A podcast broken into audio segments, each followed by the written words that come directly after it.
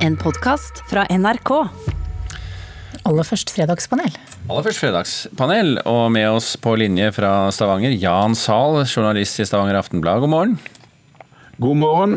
Kjersti Moe, direktør for Norsk Filminstitutt. God morgen. God morgen til deg òg. Og Sigrun Aasland, fungerende leder for tankesmien Agenda. God morgen. God morgen. Første spørsmål. Vi går rett inn i dette med de store kulturinstitusjonene som nå påstås å ha sviktet under koronakrisen. Det var daglig leder ved Sentralen kulturhus her i Oslo som sa det denne uken. Alf Magnus Reistad heter han. Han mente operaen og andre store, viktige institusjoner hadde tidenes sjanse til å vise hvor viktig kultur er for folk når krisen virkelig rammer. Isteden så stengte de alt. Og han stilte spørsmål om de har eh, i det hele tatt forstått oppdraget sitt.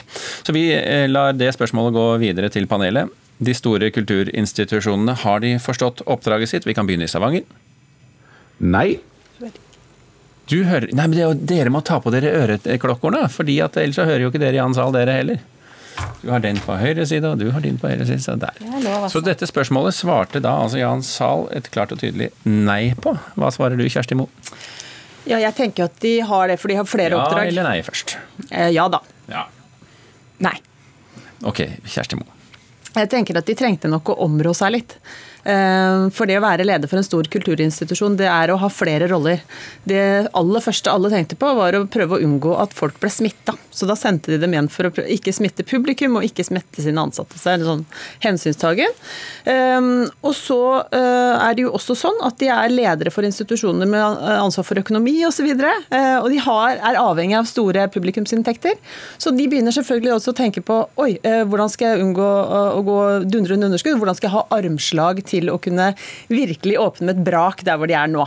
Så her er det mange hensyn. Og så har vi noen gode eksempler nå. Hvis du ser på Nasjonalballetten, som nå reiser rundt på Hovseterhjemmet og på Cato-senteret og skal rundt på skoler og sykehjem, så er de jo i gang igjen. Men at man ikke liksom så hele bildet 12.3, det tenker jeg er rimelig. da. Det er veldig lett å være etterpåklok. Ja, Sal, er det det du er?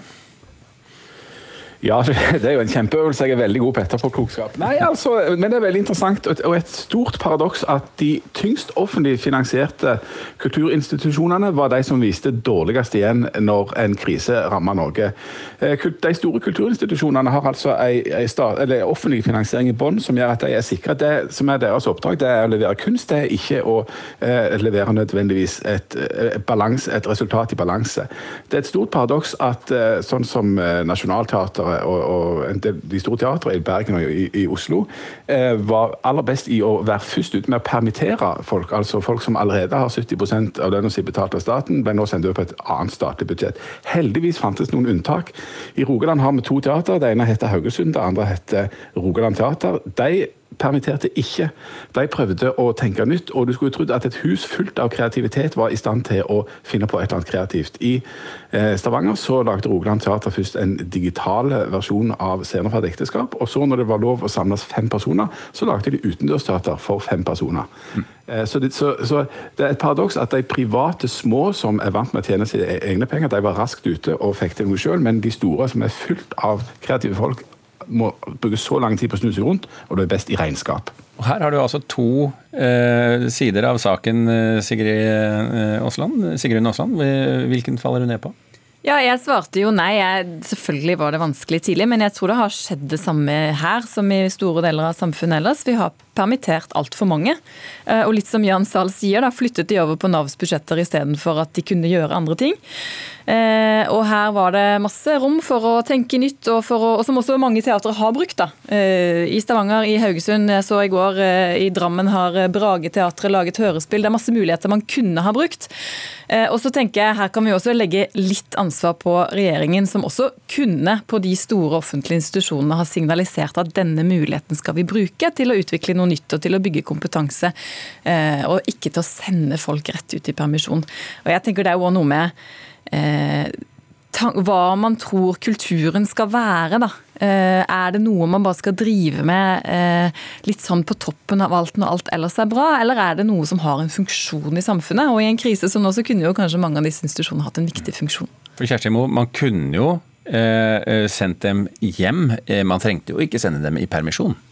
Nei, og så kan du si at Ideelt sett så hadde man jo klart å både dyrke kreativiteten, skape nye digitale inntekter, eh, skape framtidstro for befolkningen. Eh, og det er jo jeg håper å si, mange gode eksempler på det, men jeg mener at man må liksom det er ikke så lenge siden vi alle sammen var veldig usikre på alt. Da. Og det, det er lov å bruke litt tid på området usikre på alt. Vi får se hva dere er usikre på i neste spørsmål. For det går jo mot en alternativ kinosommer i Norge. Stengte kinoer i USA gjør at storfilmene lar vente på seg. Flere har allerede blitt utsatt, og kan bli utsatt ytterligere. James Bond er én, og en som mange er spent på, det er jo filmen 'Tenet', for den er jo delvis spilt inn her i Norge, i Oslo. Bl.a. på Operataket og på Tjuvholmen. Så mitt spørsmål er, eh, dreper paradoksalt nok de store filmselskapene kinoene? Ved å holde tilbake filmer, og i samme sveip på den måten også grave sin egen grav. Kjersti Moe. Nå skal du ha sånn ja eller nei. Ja. Ehm, da sier jeg ja, faktisk. Nei. Jan? Nei. Hva er ditt argument, Jan? Nei, jeg tror, eller det er veldig så mye et håp, jeg tror og håper at folk kommer tilbake eh, til film og konserter og kulturliv og har behov for å bli underholdt og bli fortalt historier òg når dette legger seg. Jeg var på kinoen i Stavanger her om dagen og snakket med han som er programansvarlig der, og han sier at dette er jo et paradoks. At de nå på en måte kan åpne opp. De kan ha inntil 50 stykk, men de får jo ikke de nye og de store filmene. Og Før de kan åpne opp for flere, og før de får de store filmene, så blir det heller ikke de store eh, tallene på folk. Men jeg eh, forstår for så vidt at de store filmselskapene holder igjen, for når de har svære blockbustere som det skal gå tusenvis, for ikke å si millionervis av folk å se rundt omkring i verden, og folk enten møter stengte dører eller sånne minisaler, så forstår jeg at de holder igjen, men jeg tror at folk vil møte opp igjen når, eh, når det er lov. Ja, Det tror jo jeg òg. Men eh, de som sitter med en ferdig film nå, de sitter jo i en uh, valgsituasjon hvor man kan kalle det pest eller korona. Um, for um, hvor lenge skal det være stengt? Uh, går det for lang tid før filmene kommer ut i markedet, så kan kinoene i mange markeder gå over ende. De tåler, det, er jo, det er ikke alle land som kan gi kinoene både kontantstøtte og kompensasjon for tapte billettinntekter, sånn som de gjør i Norge. Så i mange markeder så vil det ha mye høyere usikkerhet på, rundt om det faktisk finnes kinoer når det kommer film. Um, og uh, hvis man da ikke har kino, så får man jo heller ikke de inntektene som i dag er helt avgjørende fra kinomarkedet. Uh, det um, digitale strømmemarkedet det kan ikke by på samme sikkerhet på inntektssiden. Og dette sitter de som har eh, filmer som skal ut i markedet og kjenner på kroppen. De har investert masse penger. Eh, og hvis filmene ikke kommer ut, eh, så kan det være tapt, ikke sant. Uh, og selv om kinoene har åpnet her i landet, uh, så har vi restriksjon på 50 per nå. det er ikke mulig å tjene penger på å slippe film i et sånt marked. Um, så derfor så sitter de jo selvfølgelig og holder på det. holder på filmene. så håper og tror vi da i filmfeltet at det åpner for inntil 200 nå 15.6, og da kan det i hvert fall være mer aktuelt for norske filmer å gå ut. og Det håper vi veldig på, for vi vil gjerne at folk skal tilbake på kino. Sigrid Aasland.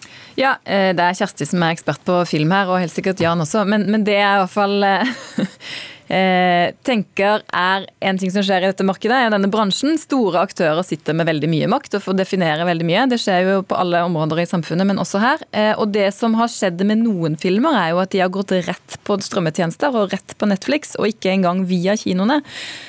Som jo jeg tenker er mye verre for kinoene, da, hvis de store filmene gjør det. Og James Bond tror jeg man må se på kino. Jeg venter på det siste spørsmålet, så jeg tror vi tar det nå. Og det lyder som følger. Flere ungdommer melder om å ha opplevd eh, seksuelle krenkelser som en følge av at de eller partnerne har sett porno. Det fortalte VG denne uken, og bakgrunnen er en ny rapport fra Redd Barna. Ungdommene i undersøkelsen mener røff og aggressiv sex er blitt normalisert. Kvelning, slag og lugging er ikke uvanlig. Det er som regel jentene det gjøres mot, og jentene på sin side de sier at de tror det forventes av dem, selv om de åpenbart syns det er ubehagelig og ydmykende. Så spørsmålet vårt lyder som følger. Bør vi nå nekte unge å se på porno før de har fått egne seksuelle erfaringer? Ja. Nei. Jan? Nei. Sigrun Aasland, hva er ditt argument? Ja, jeg sier ja, selv om jeg skjønner at det ikke går an. Jeg bare syns dette er så katastrofalt forferdelig, eh, hva det er som skjer på dette feltet. Og jeg tror de aller fleste av oss skjønner ikke hvor ille det er.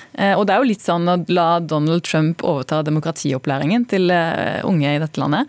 Eh, og jeg har to døtre selv, og jeg tør nesten ikke tenke på eh, hva som skjer hvis ikke vi gjør noe med dette. Og vi eh, regulerer jo veldig mange andre ting. Det er ikke lov å vise reklame rettet mot barn. Eh, det er en hel del ting som ikke er lov å gjøre før man er voksen. Og så er det selvfølgelig kjempevanskelig å regulere hva folk ser på nett. Eh, og og hva man strømmer, men, men, her er vi i hvert fall helt nødt til å gjøre noe. Og gjøre ganske mye, for sånn kan vi ikke ha det. For Jeg går vel ut fra Jan Sahl, at du også kanskje er åpen for at det bør gjøres noe? Altså, jeg, vil, jeg, jeg, ønsker jo ikke at mine unge skal ha eh, hardporno som eh, primær eh, seksualundervisning eller opplæring. Når jeg sier nei, så er det fordi at det ikke går an å regulere hva folk ser på nett, og, og fordi at det går inn i en tradisjon som går ganske mange hundre år tilbake i tid, der moralske voksne eh, skal fortelle unge folk eh, om alt de ikke skal gjøre når det gjelder dette med seksualitet. Og Det har en lang og stolt tradisjon for ikke å fungere. Eh, folk har sovet med hendene under dyna, selv om de risikerte både å bli blinde og det ene med det andre. Altså, dette går ikke an å, å, å regulere, og synden har kommet inn i verden. Så det gjelder heller å forholde seg til at synden er der, og prøve å snakke med, med de unge og prøve å forklare dem. Og prøve, og, altså, det er jo kleint å måtte ha disse samtalene, enten en er foreldre eller lærer. Men, men å prøve å, å, realitetsorientere og fortelle at det de måtte se der, det er ikke sånn som eh, det er eller skal være. Og du har tillit til at uh, ungdommen hører på de voksne? Nei, og det, det jeg sier, det er jo en klein samtale, men ungdommene er jo ganske oppegående sjøl. Jeg tror at de aller aller fleste av de uh, innser en ting og to om dette. Men, men, men det, og de snakker med hverandre, og forhåpentligvis så, snakker, så, får de høre noe om det på skolen. Og forhåpentligvis kan de snakke litt med foreldrene sine. men, men det er klart det er, det er et komplisert uh, farvann, det der, men, men, vi blir nok dessverre ikke kvitt porno uh, på, på, nett eller andre plasser. Nå som vi må forholde oss til hvordan kan vi forholde oss til det når det tross alt finnes, og de er klar over det, og de ser på det. Kjersti Mo. Ja, men vi må jo lære dem at dette er fake news. At det har veldig lite med virkeligheten å gjøre. At det handler om å respektere både seg selv og andre. At man ikke skal gjøre noe mot andre som ikke de syns er greit. Jeg tenker at Vi må begynne de samtalene med barna og ungdommene våre lenge før vi egentlig orker tanken på at vi må gjøre det. Eh, fordi det er det det egentlig handler om. Vi, vi kan ikke skjerme dem mot alt. Eh, noe går det sikkert an å gjøre med blokker og alle de tingene der, men det viktigste er jo hvordan håndtere det. Eh, og hvordan ikke tro på det. Akkurat sånn som vi jobber med, med fake news i dag. da. Mm. Men jeg tror nettopp eh, det at vi har gjort så altfor, altfor lite eh, av den samtalen og av den opplæringen, er jo nettopp det som er problemet nå. For det handler jo ikke om skal vi forby porno eller seksualitet. Dette handler om skal vi forby voldelig kvelningsporno, eh, som har ingenting med virkeligheten å gjøre. Det har skjedd masse bra. Det har kommet gode bøker som 'Gleden med skjeden' og 'Jenteboka' og en del sånne ting. Jeg tror det er masse å gå på der. Så hvis vi Jeg tror vi må tvert imot slutte slutte å være prippende, snakke mer. Eh, fordi alternativet er jo at det, det er liksom det ekstreme som får bestemme. Da. Eh, og det er jo det vi ser nå. Skal vi runde av der? På et sånn slags eh, mildt håpefullt ønske om at dette kommer til å gå bra. Mens vi gruer oss veldig til alt det krevende. ja. ja. Men ikke av seg selv, da. Ikke av seg selv. Sigrun Aasland i Agenda, Kjersti Moe, Norsk Filminstitutt og Jan Sahl i Stavanger Aftenblad, takk for at dere var med i Fredagspanelet i dag.